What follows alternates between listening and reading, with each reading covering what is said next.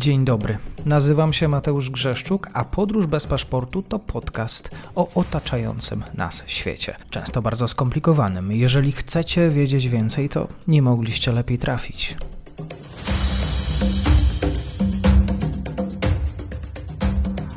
Partnerem odcinka jest Oanda, TMS Brokers, dom maklerski obecny na rynku już od ponad 20 lat. W opisie odcinka znajdziecie link do aplikacji, w której możecie otworzyć konto maklerskie i grać na giełdzie, a wcześniej potrenować na koncie demonstracyjnym. Jeżeli otworzycie konto za pośrednictwem tego linku, dostaniecie na start książkę o tematyce inwestycyjnej. Zapraszam, Mateusz.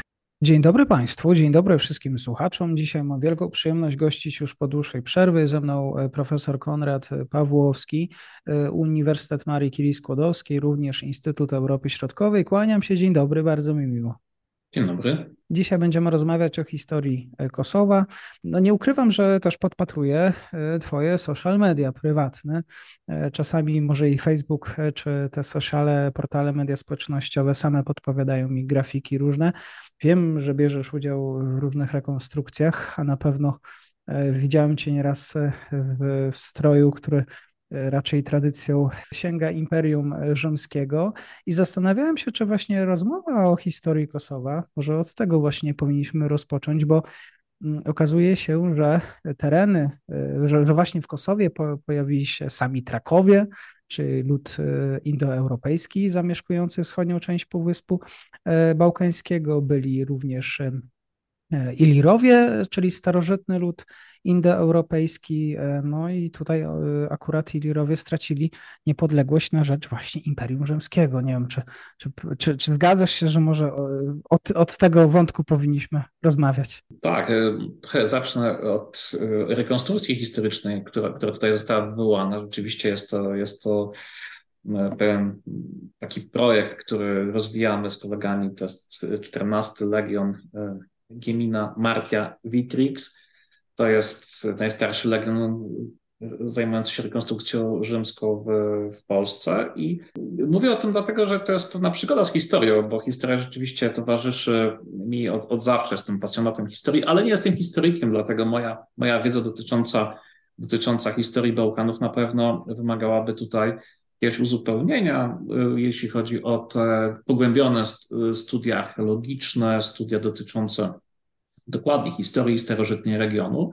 Niewątpliwie jednak e, to, czego brakuje w dyskursie politologicznym, w, w mojej ocenie, e, to jest takie spojrzenie na historię tego półwyspu, bardziej kompleksowe spojrzenie właśnie, bo, bo niestety mam wrażenie, że w takich narracjach stricte politologicznych dominują podejścia, gdzie historia e, czy spojrzenie na historię Kosowa właśnie zaczyna się gdzieś w średniowieczu i oczywiście jest to prawda, że to w średniowieczu był region y, w sensie taki państwowym i kulturowym zdominowany przez, przez Serbów, czy przez y, y, królestwo, a potem carstwo, carstwo serbskie. Natomiast no jest to spojrzenie trochę no niepełne, a nawet z widzenia historii całkowicie niepełne, bo bo rzeczywiście w tym sporze Kosowo e, ważny jest punkt startowy tej dyskusji i jeżeli w średniowieczu tak, możemy powiedzieć, że to jest obszar, w zasadzie geograficzne centrum e, carstwa serbskiego na Bałkanach, które jest imperium, no to pytanie, co było wcześniej, oczywiście, oczywiście wcześniej były inne epoki historyczne i historia Kosowa nie zaczyna się w średniowieczu, zaczyna się tak jak historia wielu różnych obszarów, e, zaczyna się gdzieś w okresie neolitycznym, gdzie Tutaj są, są artefakty wskazujące na zamieszkanie tego obszaru. Nie jest to dziwne, bo przecież pierwsze centrum świata to jest właśnie obszar e, basenu Morza Śródziemnego, prawda? Więc te centra światowe się przesuwały. Kiedyś było to Morze Śródziemne. Święty Augustyn według dzisiejszych standardów pochodziłby z Algierii, o czym się, o czym się nie wie, tak, bo tak zwykle się o tym tak nie myśli. Potem to centrum przesunęło się w stronę e, obszaru Europy Zachodniej, regionu północnoatlantyckiego, dość mhm. umownego regionu. I być może jesteśmy, żyjemy dzisiaj w świecie, gdzie to centrum przesuwa się w stronę Azji i Pacyfiku. Być może już tam jest. Więc, więc to jest historia i na tą historię trzeba moim zdaniem spojrzeć z uwagą. A wracając do, do, do historii właśnie Bałkanów z czasów i prehistorycznych i okresu starożytnego, to niewątpliwie jest, niewątpliwie jest tutaj pole do, do głębionych badań. i studiów. I, I, rzeczywiście jest tak, że przecież te różne grupy etniczne, które zamieszkiwały na Bałkanach, możemy mówić umownie Grecy, też sami Grecy się przecież dzielili na wiele różnych państw, miast.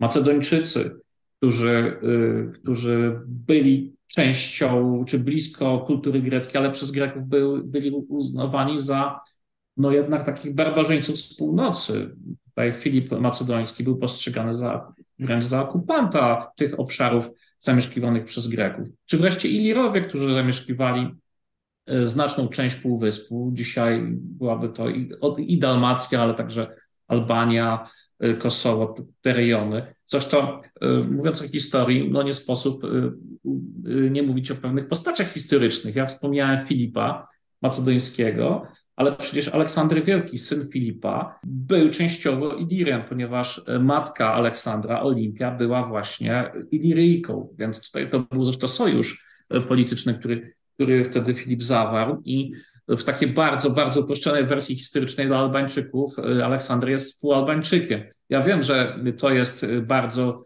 duże nadużycie historyczne, bo, bo tak nie można przykładać e, jeden do jednego tych analogii historycznych, ale zresztą mówiąc o historii, to jest właśnie to, co się dzieje na Bałkanach. Na Bałkanach często te prawdy historyczne są bardzo uproszczone, spłycone i wy, wykorzystywane do, do takiego dyskursu politycznego, który, który się toczy na bieżąco. E, I no, myślę, że my nie rozpoczynamy e, rozmowy o stosunkach polsko-niemieckich od analizy bitwy pod Grunwaldem, a w stosunkach serbsko-kosowskich i nie tylko, E, średniowieczne bitwy są takim punktem, gdzie na poważnie się dyskutuje, czasem wręcz w ramach takich zapiekłych dyskusji o, o kwestiach politycznych. Więc ta historia jest bardzo żywa na Bałkanach i rzeczywiście jest jej tam dużo. Natomiast e, chciałbym jedną rzecz wyjaśnić. Właśnie, no przecież Bałkany zamieszkane przez te różne grupy etniczne zostały potem podbite przez, przez Rzym i w pierwszym wieku przed naszą erą rzeczywiście Cesarstwo Rzymskie podbiło te ziemie zamieszkiwane przez Ilirów. E, były różne prowincje, e, wstawały różne prowincje, ale między innymi była taka prowincja utworzona w roku 279 naszej ery, była to za cesarza Dyoklecjana, była to prowincja Dardania, na której granice były zbliżone do, e, do terenu dzisiejszego Kosowa. Więc na y, takiej alternatywnej fladze Kosowa, którą posiada, stworzyła Demokratyczna Liga Kosowa, na tej fladze znajduje się właśnie ta prowincja Dardania i właśnie z napisem Dardania, więc, więc to odwołanie do, do starożytności, do pamięci o Ilirach i y, dziedzictwie kulturowym Cesarstwa Rzymskiego, ono przetrwało wśród Albańczyków, y, pewnie też dlatego, że no, po pierwsze jest to fakt historyczny, te obszary były Y, potem podbite przez Rzym i rzeczywiście, rzeczywiście stały się częścią tej cywilizacji rzymskiej. Y, zresztą y, pod, pod Prysztiną dosłownie jest, jest starożytne miasto Ulpiana, to jest dzisiaj serbska enklawa Graczanica, jakieś, jakieś, jakieś 5 kilometrów od Prysztiny. To, jest, to też jest kwestią polityczną, bo, bo z jednej strony Albańczycy chcą wykopaliska kontynuować, a, a Serbowie nie do końca są zadowoleni. No bo ponieważ, no to, ponieważ jest to polityka, to, te działania albańskie w istocie pokazują, że, że przed przybyciem Słowian na, na Bałkany, y, tam była cywilizacja rzymska, tam się rozwijały te elementy kultury lokalnej, bo przecież ci Ilirowie podbici przez Rzym po prostu tam byli dalej i y, romanizowali się, ale jednak zachowali tą tożsamość czy specyfikę kulturową. Więc Albańczycy to podkreślają w, Liesztinie jest muzeum, gdzie na pierwszym piętrze jest, y, jest Kosowo, a na drugim piętrze już jest wojna, nie, wojna niepodległość. Trochę jeszcze takich elementów z, z zakresu, z czasów powiedzmy okupacji tureckiej i Bałkanów, ale jak pamiętam, praktycznie nie ma tam elementów dotyczących y, państwowości serbskiej w Kosowie, co jest dla mnie pewnym no, takim wypaczeniem tej historii, ale taka jest ta narracja albańska. A, a kończąc te wątki rzymskie, chciałbym dodać, że e, w roku 395 e, terytorium Kosowa po podziale Imperium Rzymskiego weszło w skład Cesarstwa Wschodnio-Rzymskiego i dalej było związane historycznie e, z Bizancją, więc, więc kiedy Albańczycy mówią, że byliśmy chrześcijanami wcześniej niż inne grupy etniczne, na przykład Słowianie, którzy przybyli na Bałkany, to, to jest to prawda historyczna,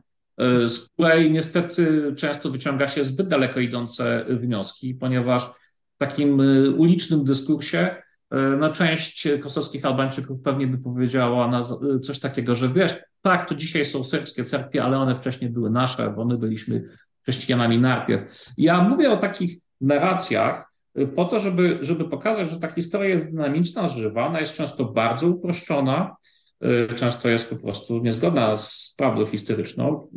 W takich, w takich krótkich formach uproszczeń, o których mówię, ale cóż, jest to, jest to, jest to historia żywa i te narracje, obie strony mają swoje więc na pytanie, kto był pierwszy na, na Bałkanach, y, obie strony, czy w Kosowie konkretnie, i Serbowie, i Albańczycy powiedzą, że, że byli pierwsi.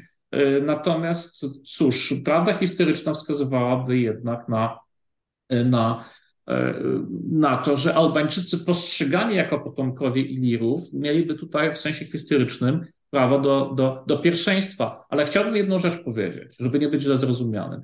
Y, ta łączność między Ilirami a Albańczykami nie jest generalnie kwestionowana przez większość badaczy, no, ale, ale serbscy naukowcy kwestionują tę łączność, ale też y, oczywiście jest tu sporo polityki. Ale jedna rzecz też jest ważna. Nie możemy y, przykładać tych miar takich y, współczesnych, że oto Ilirowie są Albańczykami, bo, bo pamiętajmy, że te procesy historyczne, które zachodziły na przestrzeni lat, rzeczywiście one miały wpływ na, na to, jakie te DNA i kulturowe DNA posiadają mieszkańcy Półwyspu Bałkańskiego. Przecież tam dochodziło do różnych migracji, y, różnych y, grup etnicznych, y, Słowianie, Awarowie, Bułgarzy, plemiona germańskie, one wchodziły czy najeżdżały w istocie tereny Imperium Rzymskiego. To był, to był okres wielkich wędrówek ludów.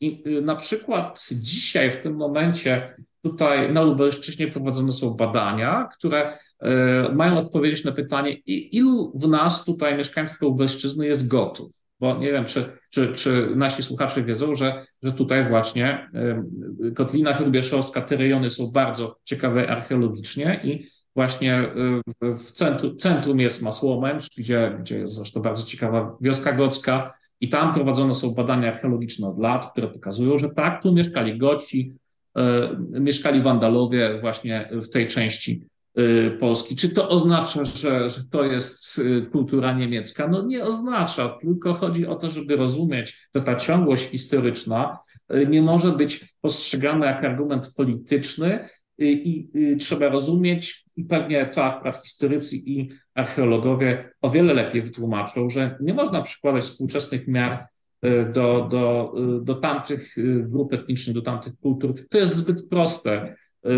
Pewnie ta ciągłość, elementy ciągłości są, bo rzeczywiście w takiej bardzo, w moim przekonaniu, no, no bardzo kontrowersyjnej interpretacji Serbowie twierdzą, że Albańczycy przybyli gdzieś, gdzieś na te tereny Kosowa w czasach okupacji tureckiej. Rzeczywiście była intensywna migracja w czasach kiedy Turcy podbili Bałkany z, z północnej Albanii do Kosowa, ale to nie zmienia faktu, że y, y, to było wzmocnienie tego, tego etnosu albańskiego, czy, czy no, tej grupy etnicznej, którą dzisiaj tworzą Albańczycy. Natomiast no, nie ma jakichś większych, y, znaczy jakby to nie jest kwestionowane, natomiast nie można powiedzieć, że, że e, Albańczycy przybyli na terytorium Kosowa wraz z Turkami, a niektórzy twierdzą, że z Azerbejdżanu w ogóle przybyli, bo, bo po prostu nie ma na to tak, y, nie ma na to wyraźnych dowodów historycznych. Na migrację z północnej, północnej Albanii do Kosowa są dowody w czasach tureckich, ale Pamiętajmy, że jak Serbowie przybyli na terytorium Kosowa, to też wpłynęli na zmianę struktury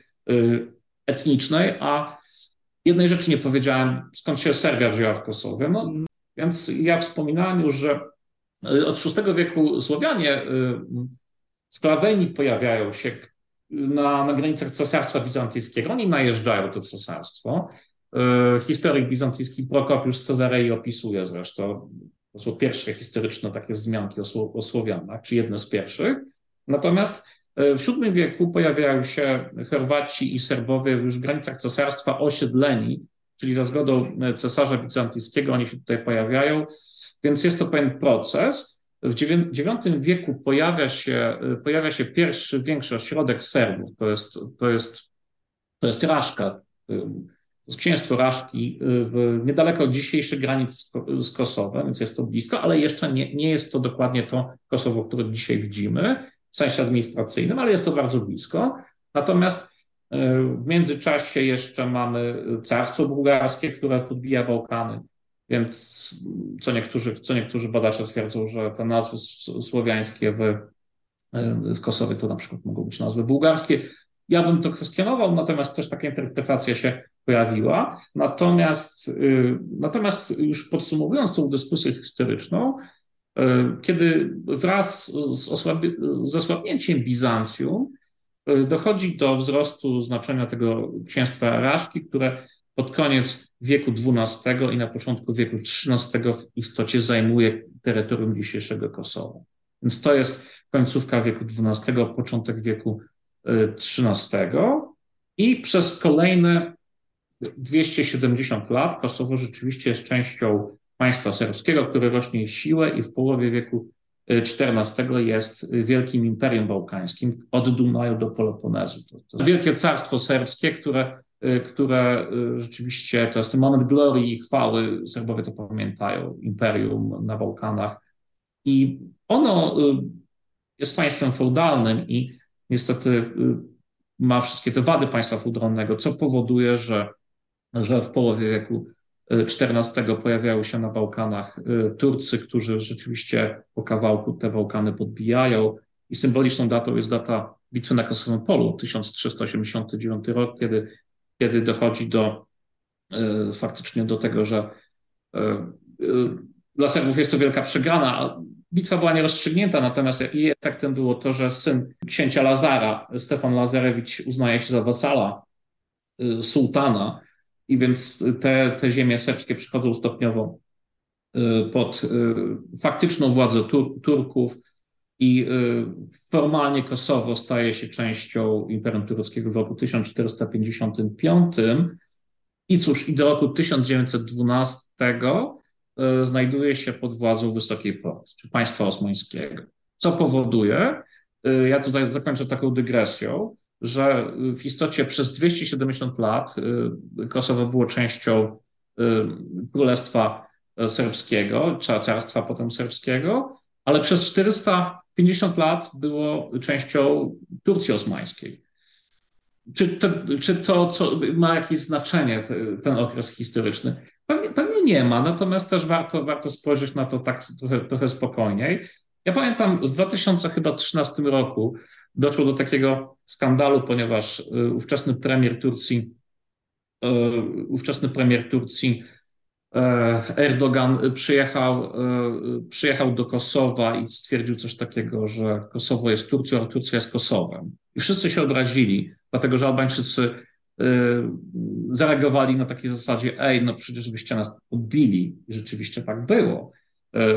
Turcy się obrazili, bo, bo to, to, co powiedział Erdogan, to miało charakter pozytywny i nie miało charakteru jakiegoś negatywnego. No obraziła się też Serbia, pamiętam ówczesny E, wydaje mi się, premier, e, e, wicepremier Aleksander Vucic, dzisiejszy, dzisiejszy prezydent Serbii, powiedział, że jak Kosowo może być Turcją, Kosowo może być tylko Serbią. Więc ta historia ma swoje, ma swoje zawirowania. Tej historii na Bałkanach jest dużo. Tim Judah powiedział kiedyś, że historia to jest to, w co ludzie wierzą. Niekoniecznie to są fakty. Więc tak, na Bałkanach ludzie wierzą w różne wersje tej historii y, i niekoniecznie one muszą być zgodne z faktami, ale to już inna historia. XIX wiek wspomniany to jest czas, y, kiedy budziły się narody, że każdy z narodów chciał zbudować jakąś pewną wspólnotę. Oczywiście nie inaczej sytuacja wyglądała w Serbii. Kto był tam wtedy centralną postacią? Pan Stefanowicz, Karadzić, którego z tego co wiem wizerunek widnieje jeszcze dzisiaj na banknocie. No, oczywiście XIX wiek to jest y, wiek nacjonalizmów, jak niektórzy nazywają, wiek, wiek y, odrodzenia narodowego.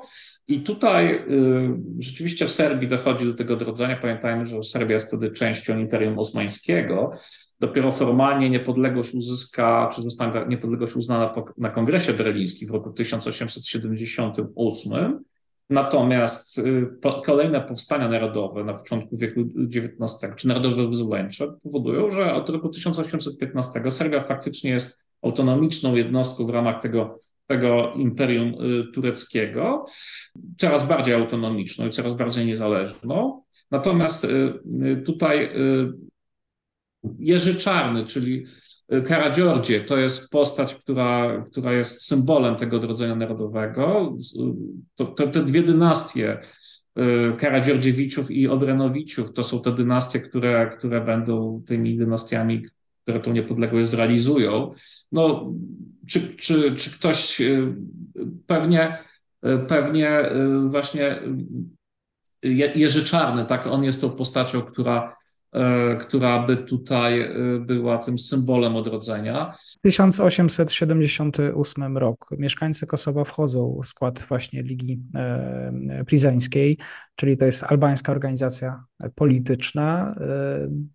Na, jakich, na jakiej zasadzie przede wszystkim powstała? Jak wyglądała ta początkowość działalności Ligi? Co miała na, na tapecie? Wiek XIX to jest wiek nacjonalizmów i te nacjonalizmy bałkańskie dają sobie znać. Te państwa czy narody, które symbolicznie, można by powiedzieć, 500 lat pod okupacją y, turecką, one, one chcą, dążą do niepodległości. Takim narodem oczywiście są Serbowie, którzy od początku wieku XIX się buntują y, i to doprowadzi do tego, że w 815 roku będą mieli, mieli autonomię w ramach Turcji. No, oficjalnie na, na koniec roku 1878 Serbowie zostaną uznani za państwo y, niepodległe, więc po kongresie berlińskim pełna niepodległość Serbii. To są sygnały dla Albańczyków, którzy zamieszkają na terytorium ówczesnej e, Turcji osmańskiej, która nazywana jest zresztą chorym człowiekiem Europy, to są sygnały, że te ziemie, które są przez Albańczyków zamieszkane, mogą trafić do, e, no, w granice e, słowiańskich sąsiadów.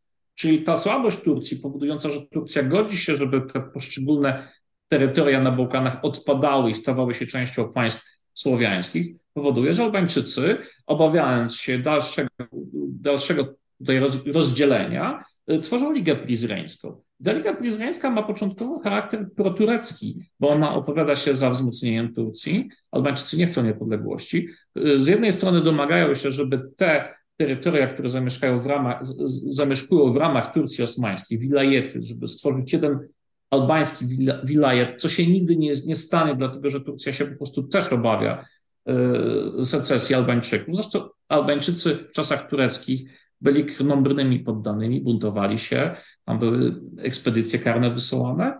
Natomiast y, on, oni nie chcą, y, formalnie nie domagają się niepodległości. Oni obawiają się po prostu, że terytoria zamieszkane przez Albańczyków na Bałkanach zostaną zabrane przez słowiańskich sąsiadów. I to, czego domaga się Liga Pryzreńska, w istocie wzmocnienia, to, to jest wzmocnienie Turcji. Czyli oni widzą dalej siebie y, jako część Turcji osmańskiej. Może bardziej zintegrowaną, ale dalej część Turcji osmańskiej. Natomiast y, to, że Liga Pryzreńska w istocie była dla Turków problemem, no, pokazuje to, że rzeczywiście Turcy na początku dość zachowawczo podeszli, a w roku 1881 rozwiązali Ligę Pryzreńską i y, w istocie uznali to za, za przejaw jakiegoś no, działania, które jest niebezpieczne dla, dla interesów wysokiej, wysokiej porty. Natomiast y, do samego końca Albańczycy uważali, że mogą pozostać w ramach Turcji osmańskiej. Dopiero kiedy w roku 1912 okazało się, że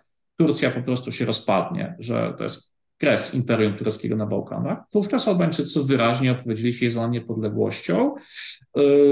W listopadzie 1912 roku powstaje niepodległa Albania, ale Kosowo zostanie miesiąc wcześniej zajęte przez wojska y, Królestwa Serbii. Serbo, Serbowie odzyskują wówczas y, Kosowo. W sensie historycznym jest to no, wiekopomne wydarzenie. Serbowie wchodzą na terytorium Kosowa E, czytamy o jakichś takich wspomnieniach, że niektórzy nawet mają jakieś wizje przodków, rycerzy, którzy, którzy ich tam witają. Oczywiście jest to narracja poetycka, natomiast to, co dla Serbów było wielkim e, osiągnięciem, gdzie po setkach lat znowu odzyskują e, południową Serbię, Kosowo, tak, tak Serbowie to definiują, to dla Albańczyków jest to po prostu początek okupacji terenów zamieszkanych przez setki lat w ramach Imperium Tureckiego przez państwa słowiańskie na Bałkanach, głównie Serbię. Więc jest to początek konfliktu Kosowo, który będzie trwał na narracji albańskiej kolejne 100 lat.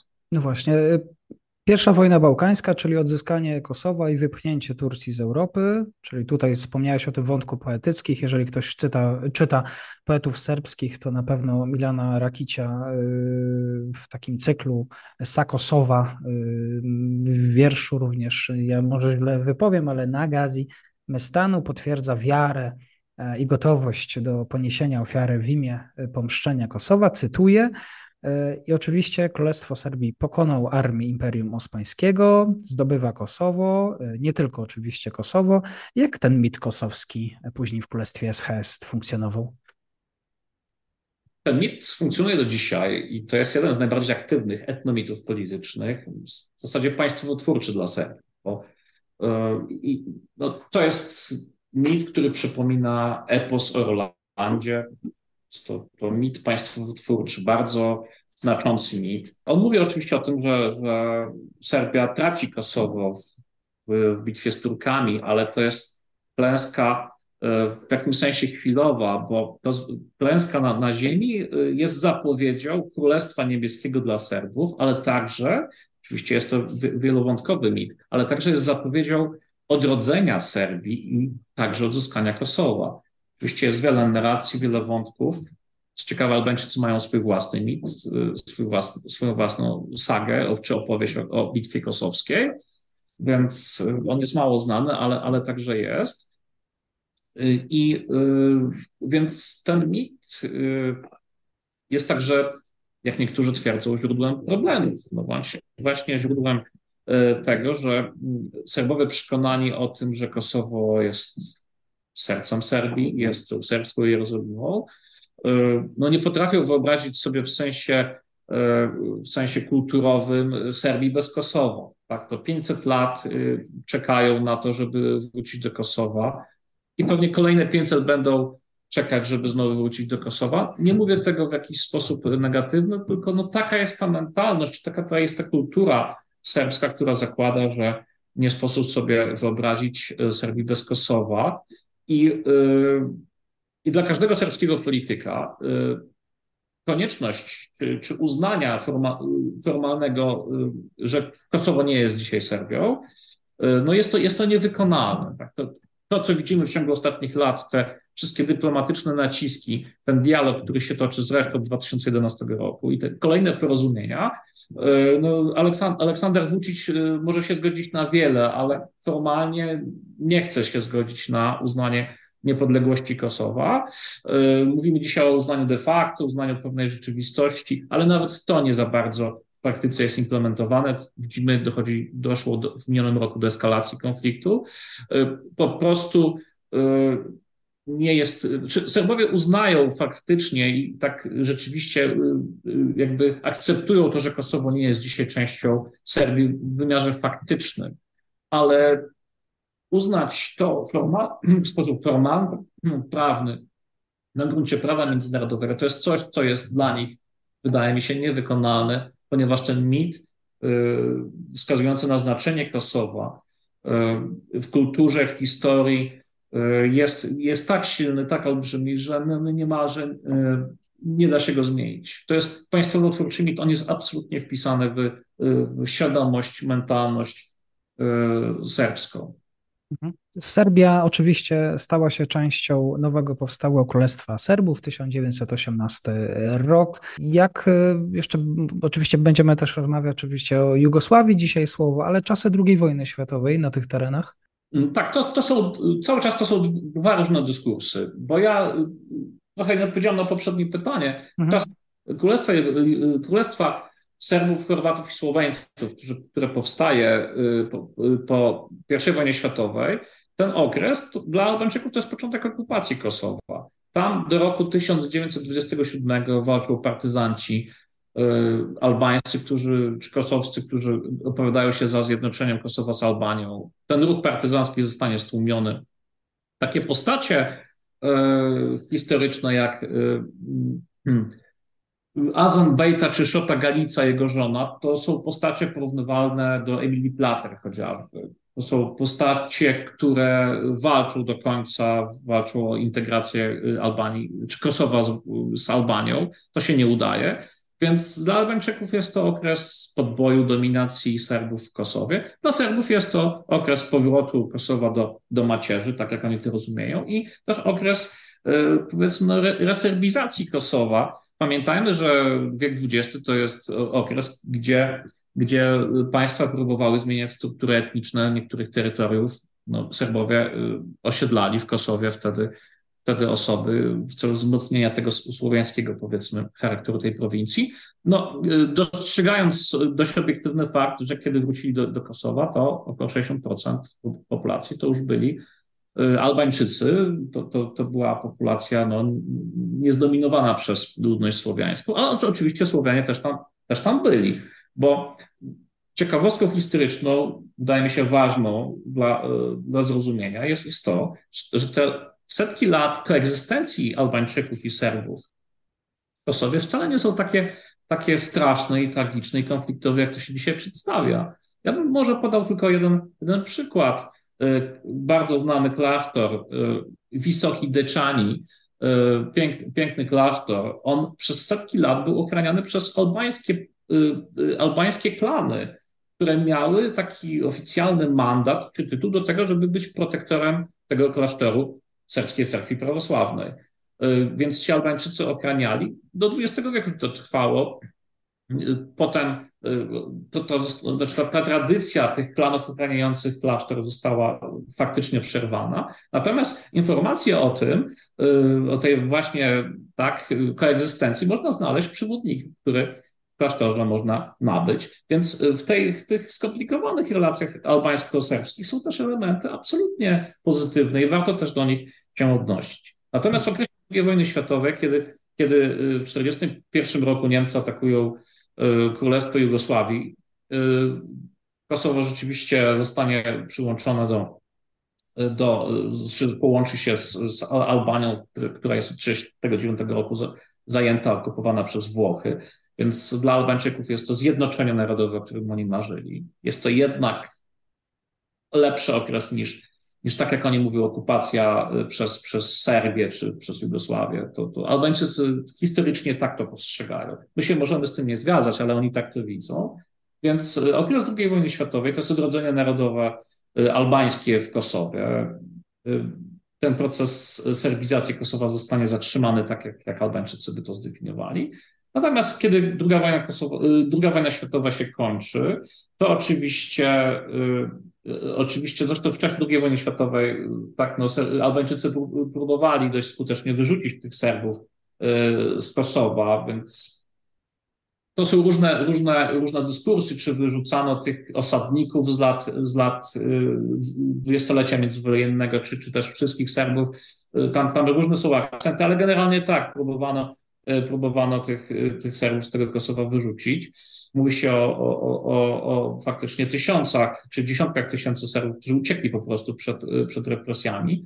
Natomiast, natomiast Druga wojna światowa kończy się tym, że zwycięska siła polityczna, czyli partyzantka komunistyczna Josipa Brostity, no podejmuje decyzję o tym, że Kosowo zostanie częścią komunistycznej Jugosławii, która się odradza po II wojnie światowej i mówiąc wprost, dochodzi tam do stłumienia tych albańskich protestów. Tam też są walki, y, ale ze specyfiką typową dla wojsk komunistycznych, po prostu Kosowo zostanie przyłączone. Dochodzi tam do masak, y, więc ten mit założycielski Jugosławii y, dalej ma ten grzech pierworodny. No nie wszystkie narody, które się w tej Jugosławii znajdą, czy w tej pierwszej, po pierwszej wojnie światowej, czy w tej drugiej komunistycznej, one, nie wszystkie te narody chciały być częścią tej Jugosławii. Y, ten mit Jugosławii jest wspaniały. Ja sam jestem pełen, czy miałem okres fascynacji tym mitem jugosławiańskim, ale jeżeli się spojrzy tak naprawdę, czym Jugosławia była, to była piękną ideą, ale, ale jej realizacja często polegała na tym, że jedne narody y, wywierały presję na drugie narody, na inne narody. Y, to dotyczy też stosunków chorwacko-serbskich. Chorwaci też E, też chcieli mieć własne państwo i tego im odmówiono w pewnym momencie. Natomiast e, jeśli Jugosławia w sensie znaczenia słowa oznacza południowa Słowiańszczyzna, to Albańczycy w ogóle nie są Słowianami i nigdy do tej Jugosławii nie pasowali. I pasowali w wymiarze kulturowym, politycznym, no i właśnie nie chcieli być częścią tej Jugosławii, ale po 1945 roku znowu stali się częścią Jugosławii. Mhm. Jak Tito patrzył na Kosowo? To, to oczywiście z jednej strony zdawał sobie sprawę, że, że te albańskie y, y, powiedzmy no, wizje, roszczenia dotyczące tego, że Kosowo powinno być częścią jakiejś komunistycznej Albanii, że, że, że to y, jest zasadne i takie były plany. Były też plany właśnie utworzenia federacji, federacji komunistycznej na Bałkanach i na początku Enver Hoxha, komunistyczny przywódca Albanii i Tito, generalnie w czasie, jeszcze w czasie wojny wydawało się, że, że Kosowo zostanie częścią komunistycznej Albanii, zresztą i to i tak miało być bez znaczenia, bo to miało być, to miała być federacja komunistyczna, więc to była kwestia wtórna. Natomiast jak, jak kończyła się wojna, to doskonale zdawał sobie sprawę, że, że Serbowie, czy komuniści, czy nacjonaliści, nie, nigdy nie zaakceptują faktu utraty Kosowa, więc, więc decyzja zapadła, Kosowo zostało częścią, częścią y, Jugosławii. Natomiast y, jako, y, jako okręg autonomiczny, potem jako prowincja autonomiczna, generalnie jako autonomiczna część w, w, ramach, w ramach Serbii, która była jedną z republik jugosławiańskich, czy tutaj mamy te dwa okręgi autonomiczne, czyli, czyli Kosowo i Wojwodinę na północy, zamieszkana przez Węgrów, więc y, stworzono taką autonomię Kosowa, przy czym do lat 60. w istocie ta autonomia była dość, dość umowna, ponieważ w tamtym okresie mm, Aleksander Rankowicz, y, no, taki twardogłowy komunista, zresztą Serb, o czym Albańczycy często lubią mówić, że to, to, to, to Serb. W każdym razie Rankowicz był po prostu komunistą i realizował to, co, co kazał mu Tito, y, czyli centralizacja państwa i te wszystkie nacjonalistyczne, powiedzmy, akcenty w Kosowie ze strony albańskiej były tłumione.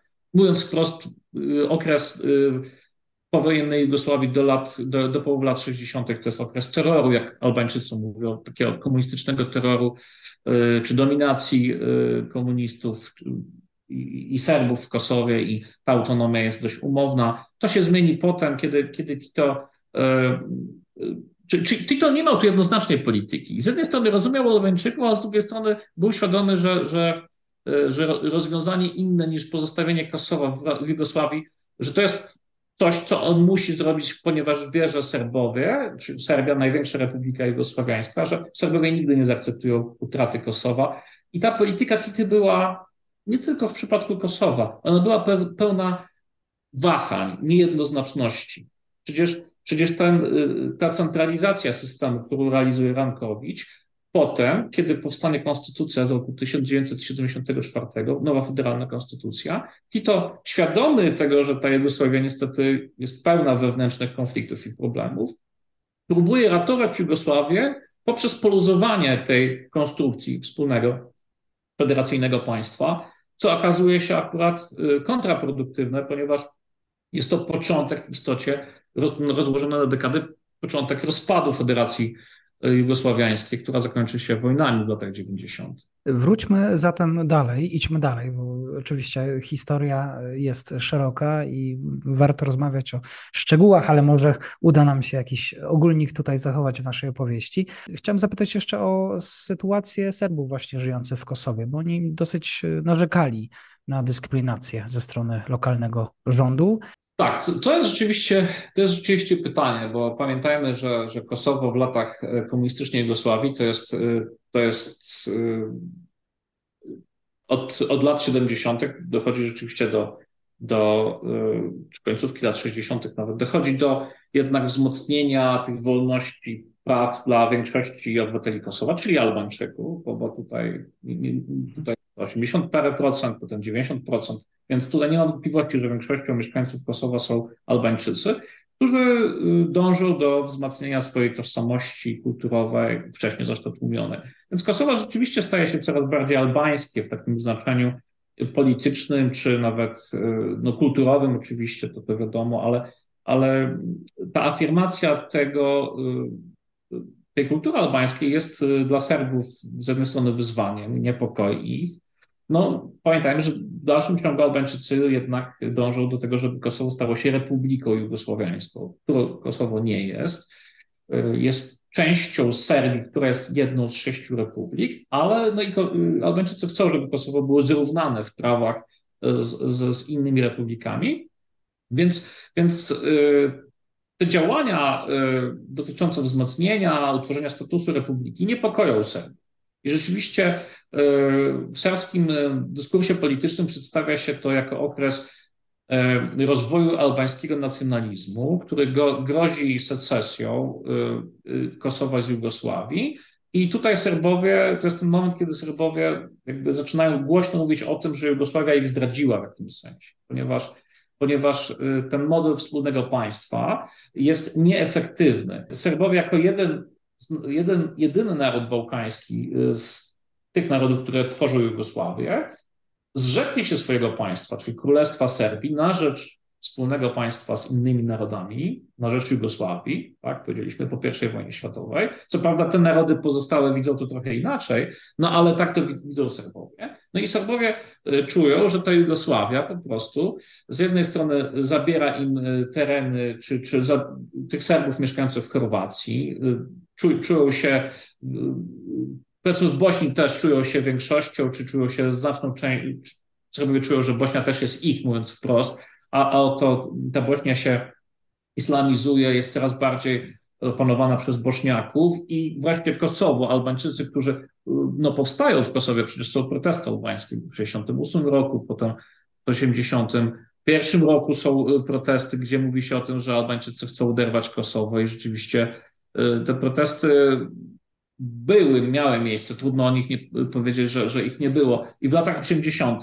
też są kolejne protesty, 88, 89 rok. I Serbowie widzą to jako, mówiąc wprost, a pamiętajmy, że mówimy o okresie komunizmu i o tym, że idea braterstwa jedności narodów jest, to, jest tym fundamentem. Serbowie widzą to jako po prostu nacjonalizm, czyli to słowo w komunizmie przeklęte, albański nacjonalizm, który chce doprowadzić do zabrania Serbom Kosowa.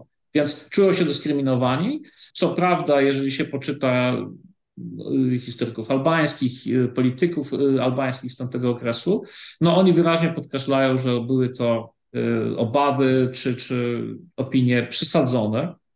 Azan Vlasi, chociażby szef komunistycznej partii Kosowa, Albańczyk, jeden z ulubionych tutaj takich polityków młodego pokolenia, Tito go bardzo lubił. Bardzo ciekawa postać swoją drogą. No on wyraźnie twierdził, że ten wzrost nacjonalizmu serbskiego jest powodem, te, powodem tego konfliktu, że, że, że to Serbowie są coraz bardziej nacjonalistyczni w latach 80., a nie Albańczycy. Oczywiście to jest druga wersja tej historii, bo rozmawiając o Kosowie musimy mieć tą świadomość, że to są dwie różne wersje tego, co się stało w Kosowie, tej historii. One są nie do pogodzenia, ale ja bym powiedział tak, że kiedy rozpadała się Jugosławia, kiedy ten mit komunistycznej Jugosławii, mit założycielski, tego, tej jedności, który, jak powiedziałem, w mojej ocenie był po prostu w dużym stopniu nieprawdziwy, y, kiedy nie wierzono już w ten mit, to pytanie było, w co te narody jugosłowiańskie uwierzą. I wydaje mi się, że po prostu powróciły do myślenia o swoich państwach narodowych. Mówimy o Chorwatach, mówimy o Serbach, mówimy też o Albańczykach, którzy po prostu chcieli na początku podwyższyć status Kosowa do poziomu republiki, ale tak naprawdę zawsze myśleli o tym, żeby się z tej Jugosławii po prostu uwolnić czy wyrwać. Więc y, koniec myślenia w kategoriach federalnej, komunistycznej Jugosławii w naturalny sposób wzmocnił myślenie w kategoriach państw narodowych, więc w takim sensie Jugosławia była skazana na wzrost nacjonalizmu wraz z zakończeniem tak, tego, tego myślenia w kategoriach Federacji Komunistycznej. Oczywiście nie musiała się rozpaść, jak niektórzy twierdzą, a na pewno nie musiała się rozpaść w taki brutalny y, sposób, y, czyli mhm. nie musiała dojść do tych wojen.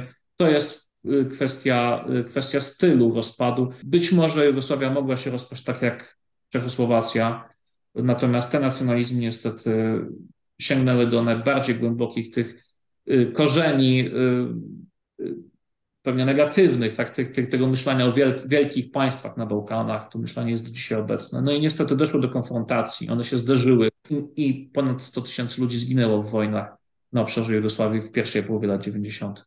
Właśnie, dążenia autonomiczne Albańczyków zostały w jakiś sposób zdławione. Powstała Armia Wyzwolenia Kosowa i tutaj przechodzimy też do samej wojny domowej. Co to za wydarzenia?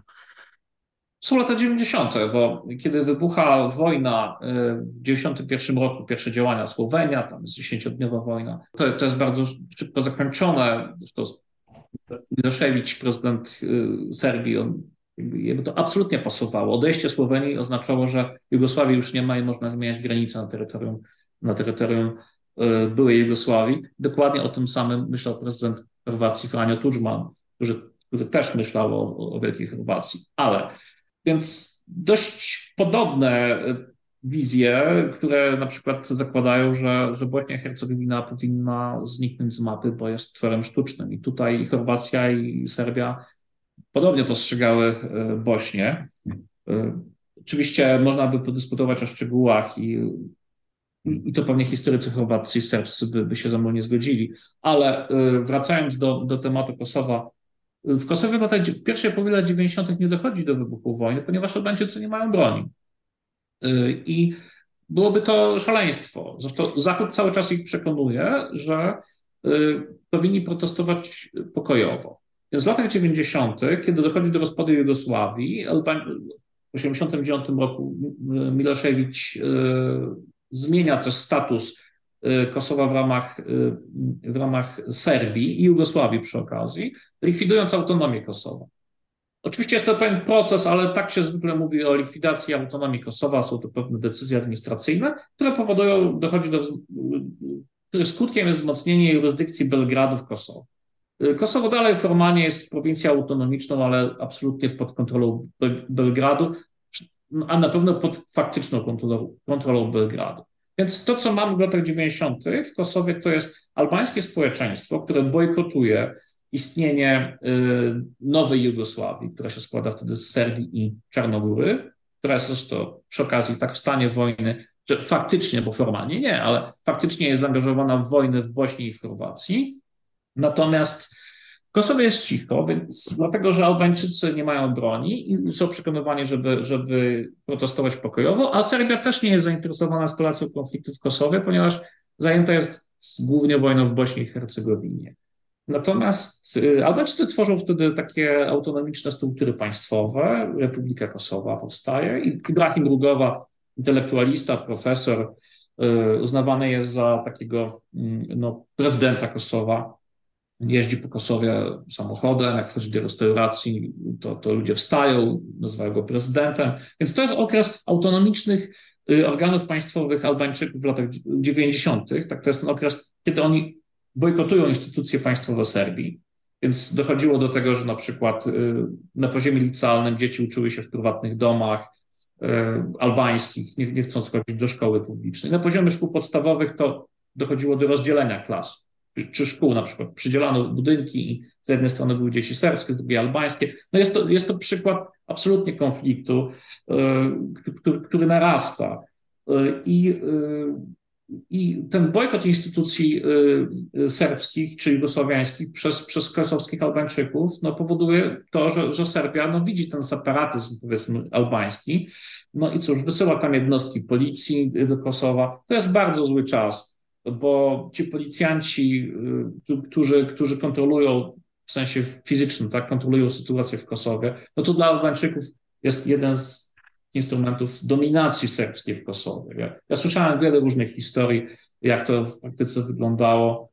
Y, I y, w tym sensie, że na przykład y, zatrzymywali samochody i wymuszali łapówki, dyskryminowali tych Albańczyków, bili ludzi na ulicy. Oczywiście to ja tak upraszczam, ale chodzi o to, żeby, żeby zrozumieć, skąd się wzięła Armia Wyzwolenia Kosowa. Więc w drugiej połowie lat 90. pewna grupa Albań, Albańczyków, powiedzmy takich nacjonalistów albańskich, stwierdza, że ta strategia pokojowego oporu nie przynosi skutków. Że to, co robi Ibrahim Rugowa, po prostu może przyciąga uwagę świata, ale, ale jest nieskuteczne. I oni zaczynają y, zbierać pieniądze i za granicą, bo to są te, te albańskie y, grupy tak, tych y, emigrantów, którzy w latach 80. wyjechali. W zasadzie tutaj sytuacja i w 80. latach i w 90. Ona, ona spowodowała, że wielu Albańczyków wyjechało za pracą za granicę. To spowodowało, że oni już po kilku latach mieli pieniążki, żeby się zaangażować w walkę niepodległościową. Co to się stało? Pieniążki zbierano w Europie Zachodniej, w Stanach Zjednoczonych chociażby. No, więc te środowiska albańskie działały na, bardziej akty- na rzecz bardziej aktywnego zaangażowania w wyzwolenie Kosowa. Oni wprost mówili o wyzwoleniu. I to się stało. W 1997 roku doszło do upadku piramid finansowych w Albanii. Albania się jako państwo zawaliła i rozkradziono broń z magazynów wojskowych. I ta broń została pod koniec roku, czy na początku roku 1998, ona została przeszmuglowana do Kosowa. Więc jeśli wcześniej Albańczycy tej broni nie mieli, to teraz ją mieli. Mówimy o, o granatnikach, amunicji. To wszystko trafiło do Kosowa. I w marcu 1998 roku rozpoczyna się ten ostatni okres walki, tak jak Albańczycy to widzą, to już jest w zasadzie otwarta. E, wojna partyzancka, wojna niepodległościowa, tak widzą to Albańczycy. Serbowie by powiedzieli, że to jest terroryzm albański. Mhm. I skala tego konfliktu, kolejne ofiary, y, tysiące uchodźców, którzy uciekają z tych obszarów y, objętych walką, powoduje, że musi, czy chce zaangażować się NATO, które obawia się, że po prostu dojdzie do eskalacji konfliktu i dojdzie do ponownego e, tak, wybuchu wojny, na przykład w Bośni i Hercegowinie. Więc e, marzec 99 rok, ponieważ proces pokojowy nie dochodzi do skutku, akurat plan pokojowy z Rambuje zostaje odrzucony przez delegację serbską. Oczywiście tu, tu, tu, tu, tu Henry Kissinger by powiedział, że to wszystko było tak skonstruowane, żeby Serbowie odrzucili ten plan. No, to jest opinia Kissingera, ale więc tu jest wiele, wiele wątków. Niektóre są, moim zdaniem, absolutnie podkręcone, jeśli chodzi o, o, o to, jak wyglądały negocjacje w Rambuje E, do, dzisiaj na spokojnie niektórzy Serbowie mówią, że gdyby Miloszewicz e, zaakceptował plan z Rambuje, to, to nie byłoby niepodległości e, Kosowa. Natomiast oczywiście to jest pytanie, co by było gdyby. Tego nie wiemy. Natomiast efekt jest taki, że, że plan pokojowy zaoferowany stronom we Francji w czasie negocjacji w Rambuje, a potem jeszcze w Paryżu w marcu, on się po prostu no, nie, nie, nie zostaje przyjęty przez sobie strony, bo faktycznie Albańczycy pod presją Medlin, Albright przyjmują czy godzą się na ten plan, ale Serbowie się nie godzą. Y, I dochodzi do interwencji NATO, która y, no, kończy się wycofaniem sił, powie, y, sił serbskich, wojska serbskiego z Kosowa. A w moim przekonaniu ta interwencja po prostu odwraca logikę wojny o Kosowo, bo niewątpliwie Milosz, Miloszewicz nie zgodził się na, na, na plan z Rambuje, ponieważ uważał, tak mi się wydaje, że szybko poradzi sobie z Armią Wyzwolenia Kosowa. Y, miał ku temu y, bardzo realne argumenty, żeby tak myśleć, bo przecież to jest o, o siłach zbrojnych, o, o, o, wojskach, o wojsku, o policji, które rzeczywiście w 1998 roku odniosło szereg sukcesów w walce z, z Armią Wyzwolenia Kosowa. Natomiast interwencja natowska odwróciła logikę tego konfliktu o Kosowo i y, w sytuacji, kiedy Serbia wycofała wojsko i policję z Kosowa, pytaniem było tylko, w zasadzie, co będzie dalej, a w zasadzie pytaniem dla Albańczyków było tylko, y, była tylko jedna kwestia. Kiedy Kosowo ogłosi niepodległość? Tak, e, stało się to w 2008 roku, czyli 17 lutego, ile dobrze pamiętam. Władze Serbii oczywiście potępiły te wydarzenia, ale wcześniej mieliśmy jeszcze zamieszki w Kosowie w 2004. Tak, bo y, Mówiąc o normalizacji relacji między Serbami i Albańczykami, o tym się mówi od, od lat. Przecież to już jest kilkadziesiąt lat tego, tego, tego konfliktu. A z punktu widzenia jeszcze lat 80. i 90. to w ogóle jeszcze jest dłuższy okres. Swoją drogą warto tym pomyśleć, że, że ci ludzie żyją tam, w, tak niektórzy całe życie żyją w atmosferze konfliktu etnicznego w Kosowie. Ja kiedyś rozmawiałem z taką panią, która, Serbką, która mówiła, że ja nie chcę, żeby moje dziecko żyło w takim świecie, gdzie widzi codziennie broń, gdzie żyje w atmosferze nienawiści, widzi żołnierzy, konflikt, zagrożenie.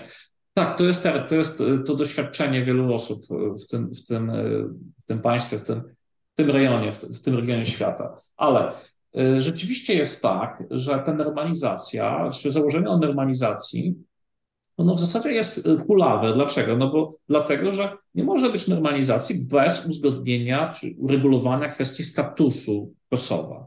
A tutaj są dwie absolutnie przeciwstawne wizje. Więc y, zresztą do dzisiaj to widzimy. Do dzisiaj jednak jest y, ten konflikt widoczny. To jest drugi po, to, po wojnie w Ukrainie tak bardzo intensywny konflikt polityczny, który dalej grozi eskalacją przemocy, także przemocą militarną. Widzieliśmy to we wrześniu ubiegłego roku, kiedy tam doszło do konfrontacji zbrojnej między oddziałem Serbów i y, policją Kosowa. Więc te zamieszki z lat 2004, z roku 2004 to jest taki oczywiście z jednej strony to jest sygnał polityczny, że, że Albańczycy domagają się uregulowania statusu Kosowa, co oznacza domagamy się uznania niepodległości Kosowa przez społeczność międzynarodową. Y, po drugie, no to jest, tak jak, jak to Serbowie szczególnie podkreślali, jednak jakaś próba zmiany struktury demograficznej Kosowa, czyli wyrzucenia jeszcze tych Serbów, którzy, czy części tych Serbów, którzy pozostali w Kosowie, jakby trochę takiego no, bardziej uregulowania tych tych granic etnicznych, bo po 1999 roku Serbowie w Kosowie mieszkają w ramach dwóch takich form, powiedzmy. Jedną są enklawy na, po, na pół, południe od rzeki Ibar, tam jest kilkadziesiąt enklaw, może około 30 enklaw, mniejszych, większych, takich, no te duże to, to Graczanica na przykład, Sztyrce, Kamienica, ale są też mniejsze, gdzie, gdzie oni tam mieszkają. No i to północne Kosowo, o które tak naprawdę dzisiaj się toczy cały bój polityczny, to są te cztery gminy na północy Kosowa i one są zamieszkane w 93% przez ludność serbską i graniczą bezpośrednio z Serbią. Więc to są te dwie formy. Więc to, co się stało w 2004 roku, to polegało na tym, że, że część tych Serbów z enklaw po prostu uciekła do północnego Kosowa, co niektórzy twierdzili, że to jest taka próba uregulowania w jakimś sensie, czy wyprostowania struktury etnicznej y, Kosowa. No jest to jakaś tam z interpretacji, ale wydaje mi się, że ważniejsze było to, co powiedziałem wcześniej. Próba pokazania światu, że nie ma co czekać y, z kwestią Kosowa, że należy szybko ten problem regulować, bo on może wrócić, może doprowadzić do kolejnych y, niebezpiecznych wydarzeń. Ale ja bym powiedział jeszcze jednej rzeczy. Pamiętając o tym, że rzeczywiście po wojnie było tak, że to Serbowie mieszkający w Kosowie stali się celem agresji ze strony Albańczyków. Pamiętajmy jednak o tym, że e, w czasie wojny e, główną ofiarą konfliktu o Kosowo byli Albańczycy. Ponad 10 tysięcy Albańczyków zginęło.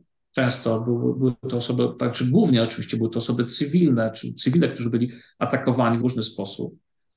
Ich, ich ciała były, były niszczone, wywożone z Kosowa. Do dzisiaj poszukuje się chyba 1600 osób, e, nie tylko Albańczyków, bo, bo ofiarą wojny byli też serbscy cywile, ale, ale ponad 10 tysięcy tak, zginęło Albańczyków, ponad 3 tysiące zginęło Serbów, Czarnogórców i przedstawicieli innych mniejszości. No te liczby też pokazują, e, skąd ta dalsza nienawiść. No dzisiaj, tak, no część Albańczyków, którzy utracili e, członków rodzin, no oni no nie mają wielkiego powodu, żeby żeby, żeby Serbów kochać, co oczywiście nie znaczy, że, że, że, że y, jest to wytłumaczenie dla pogromu, w istocie tak się mówiło o pogromie z 2004 roku, y, ale jeśli da się to w jakimś sensie tych emocji narodowych y, wytłumaczyć, to gdzie był KFOR, gdzie były siły wielonarodowe? To było pytanie, które zadawali sobie niezależni obserwatorzy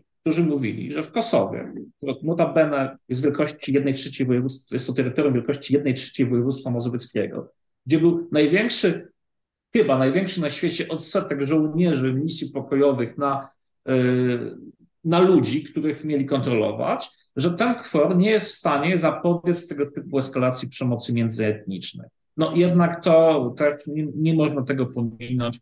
Mówiąc wprost, społeczność międzynarodowa została skrytykowana za to, że w ogóle doszło do tego, e, do tych wydarzeń z 2004 roku. Mhm. Właśnie miałem zapytać, jak, jaka była reakcja e, międzynarodowych instytucji na to, co się działo właśnie w Kosowie, również e, status Kosowa wobec Organizacji Narodów Zjednoczonych, co mówił ówczesny sekretarz generalny. To, co się dzieje od roku 1999 do 2008, to jest proces stopniowego budowania potencjału instytucjonalnego Kosowa. To nie jest tak, że Albańczycy nagle w 2008 roku wyszli z jakąś deklaracją niepodległości, wszystkich to zaskoczyło. Absolutnie jest to nieprawda.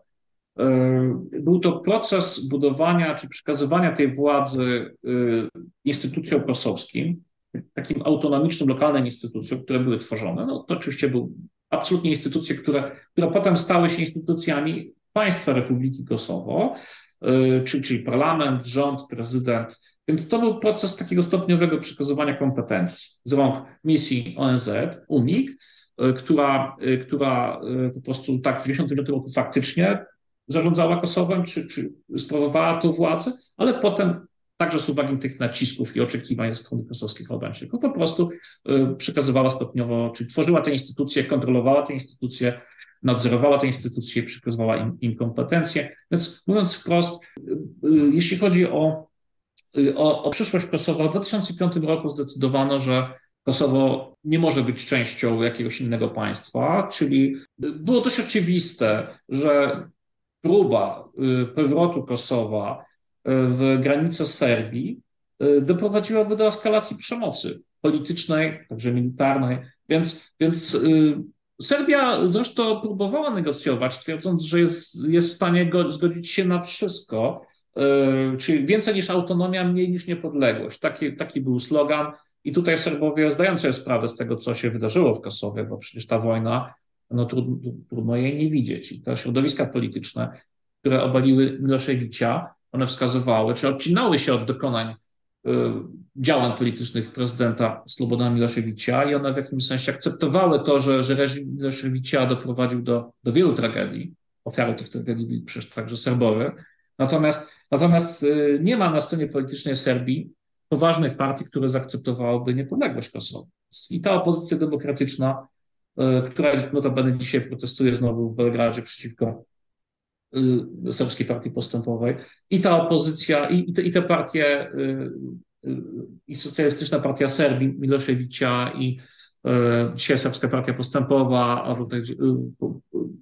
a, a do niedawna tak część tych polityków to była Serbska Partia Radykalna Wojsława Szeszelija. To jest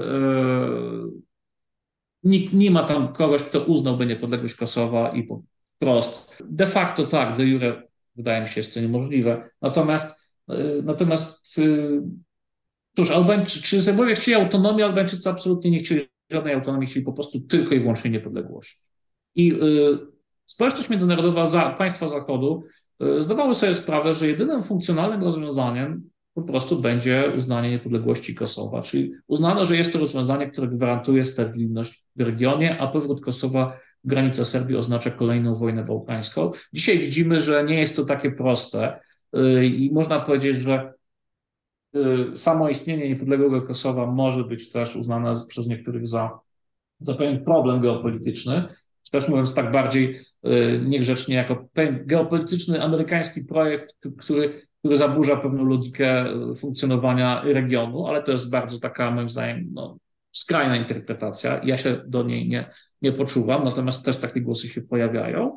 Więc yy, mówiąc wprost, Zachód zdawał sobie sprawę, że, że jedynym rozwiązaniem będzie cywilizowany rozwód yy, między Serbami Albańczykami, czy kontrolowana niepodległość nadzorowana przez państwa zachodnie. Yy, niepodległość Kosowa. Co się stało, bo, bo w 2008 roku, jak doszło do ogłoszenia niepodległości, przecież państwa Zachodu, większość tych państw od razu uznała niepodległość Kosowa. Polska była pierwszą słowiańskim państwem, zresztą, które uznało niepodległość Kosowa.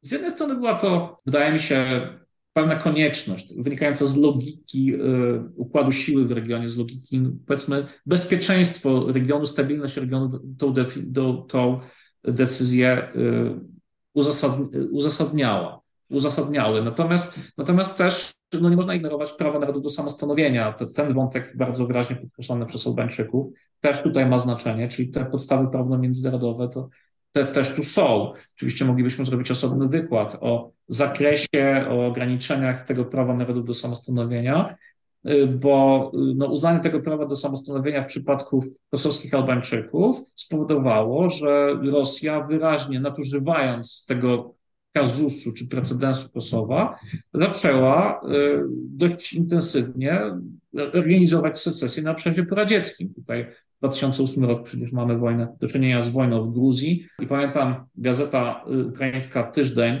na okładce z sierpnia 2008 roku, gdzie napisane było następna będzie Ukraina. No i niestety okazało się to prawdą.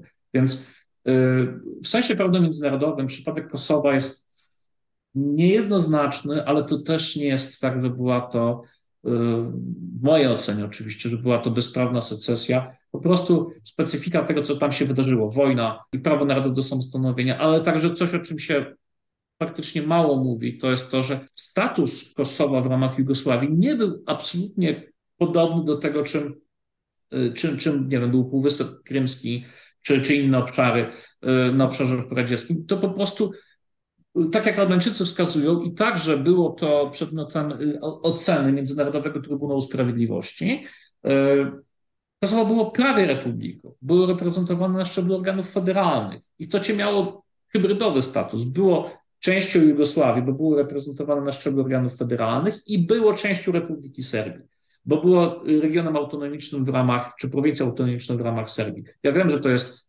ciężkie do zrozumienia, ale ten system jugosłowiański naprawdę taki był. Był y, tak zbudowany przez Tite, żeby to wszystko się jakoś równoważyło. Ale no niestety okazało się to niefunkcjonalne.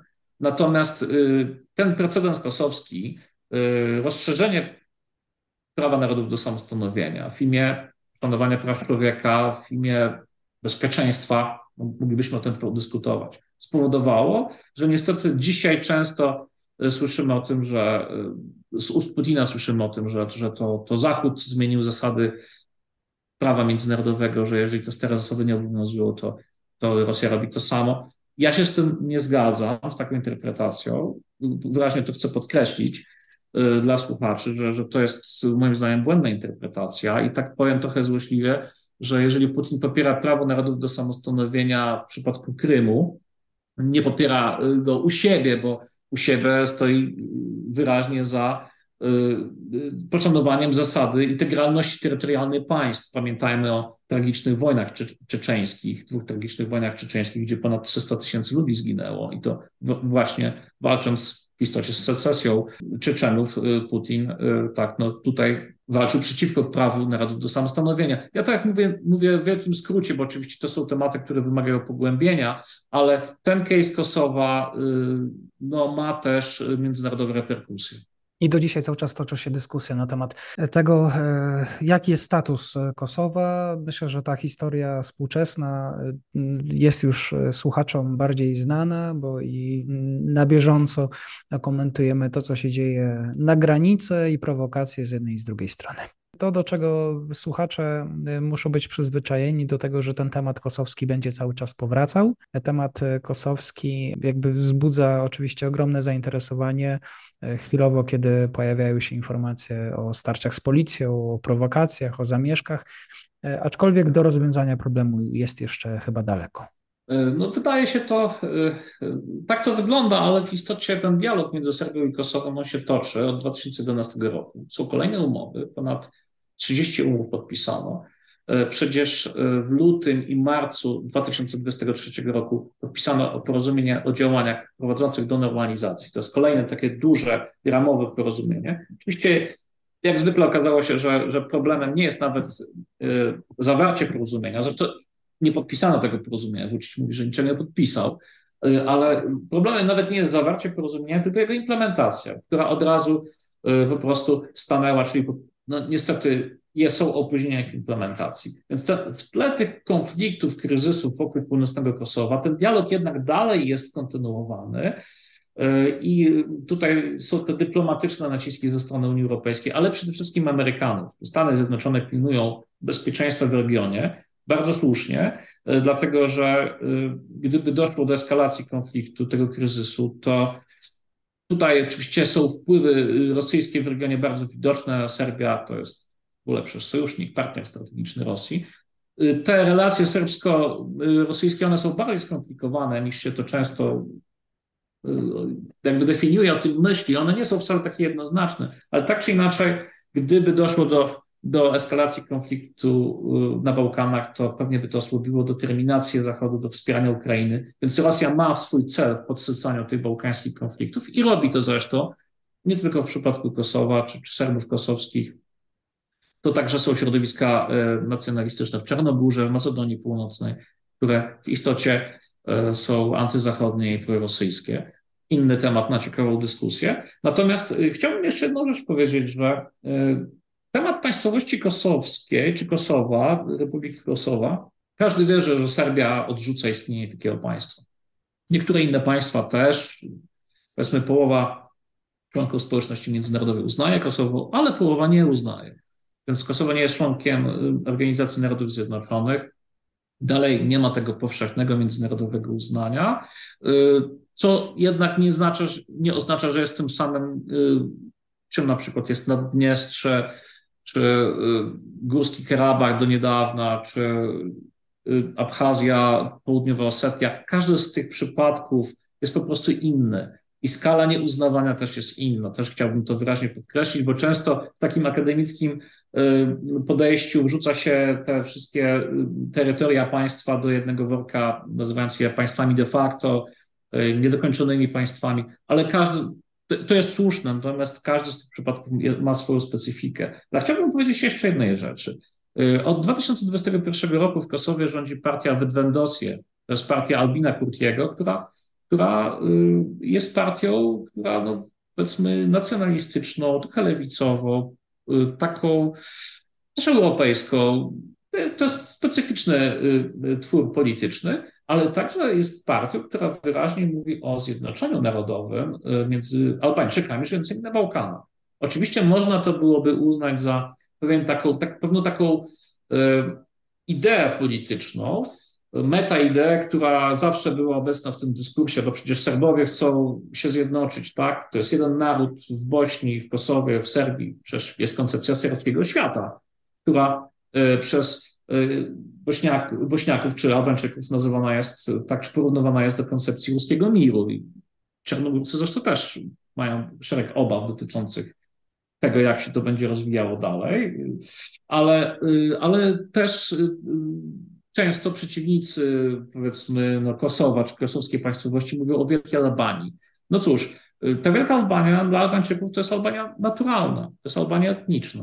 To jest Albania, która została podzielona właśnie w roku 1912.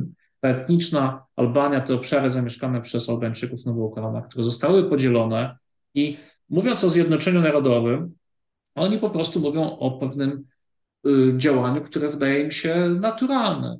I Alvin Kurti, premier Kosowa, też y, wyraźnie o tym mówi, chociaż y, Zachód tu wyraźnie daje do zrozumienia, że, że absolutnie nie jest to scenariusz y, do zaakceptowania na dziś. A co przyniesie przyszłość, tego nie wiemy, ale chciałbym zwrócić uwagę, że także w samym Kosowie, wśród albańskich polityków są, są no, politycy, którzy mówią o tym, że, że ta państwowość Kosowa, kosowska jest na dzisiaj ale takim docelowym punktem mogłoby być y, faktycznie zjednoczenie obszarów zamieszkałych przez Albańczyków, a na dzisiaj na pewno wyraźnie mówi się o potrzebie zbliżenia między Kosowem i Albanią i ono jest realizowane.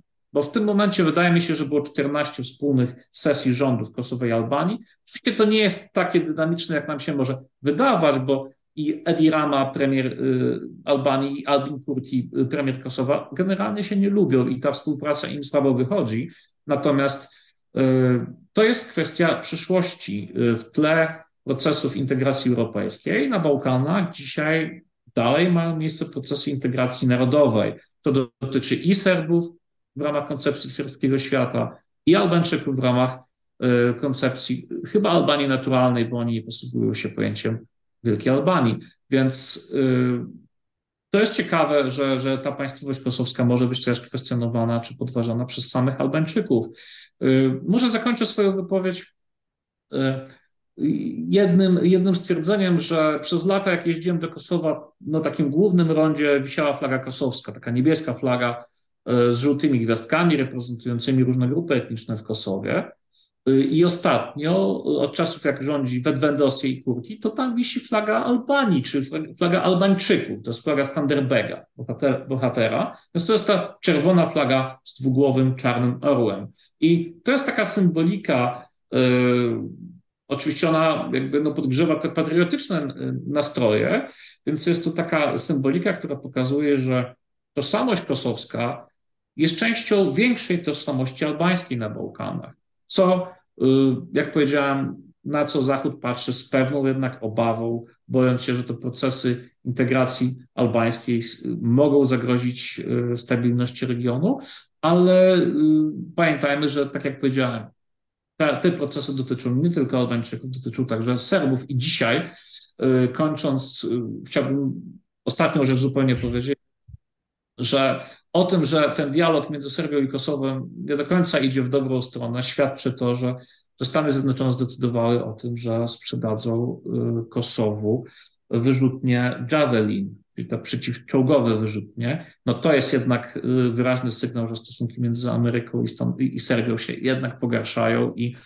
y, no nie możemy wykluczyć eskalacji konfliktu w relacjach między Serbią i Kosowem. Jest to oczywiście najbardziej czarny scenariusz, ale w połowie zeszłego roku e, słyszeliśmy, że Turcja sprzedała Kosowu Bayraktary, więc e, w minionym roku NATO zwiększało, e, zwiększało około tysiąc, o około tysiąc żołnierzy KFOR się powiększył, czyli ten kontyngent sił wielonarodowych w Kosowie. To pokazuje, że wraz z przedłużającą się wojną na Ukrainie, niestety możliwość ponownej destabilizacji Bałkanów nie może być wykluczona i te działania mają charakter takiego takiej odstraszającej obecności, po prostu nie stać nas na drugą wojnę w Europie w sytuacji, kiedy dalej na Ukrainie trwa straszny konflikt. Y, I tutaj te działania, y, o których mówię, one mają zadanie ustabilizowanie Bałkanów.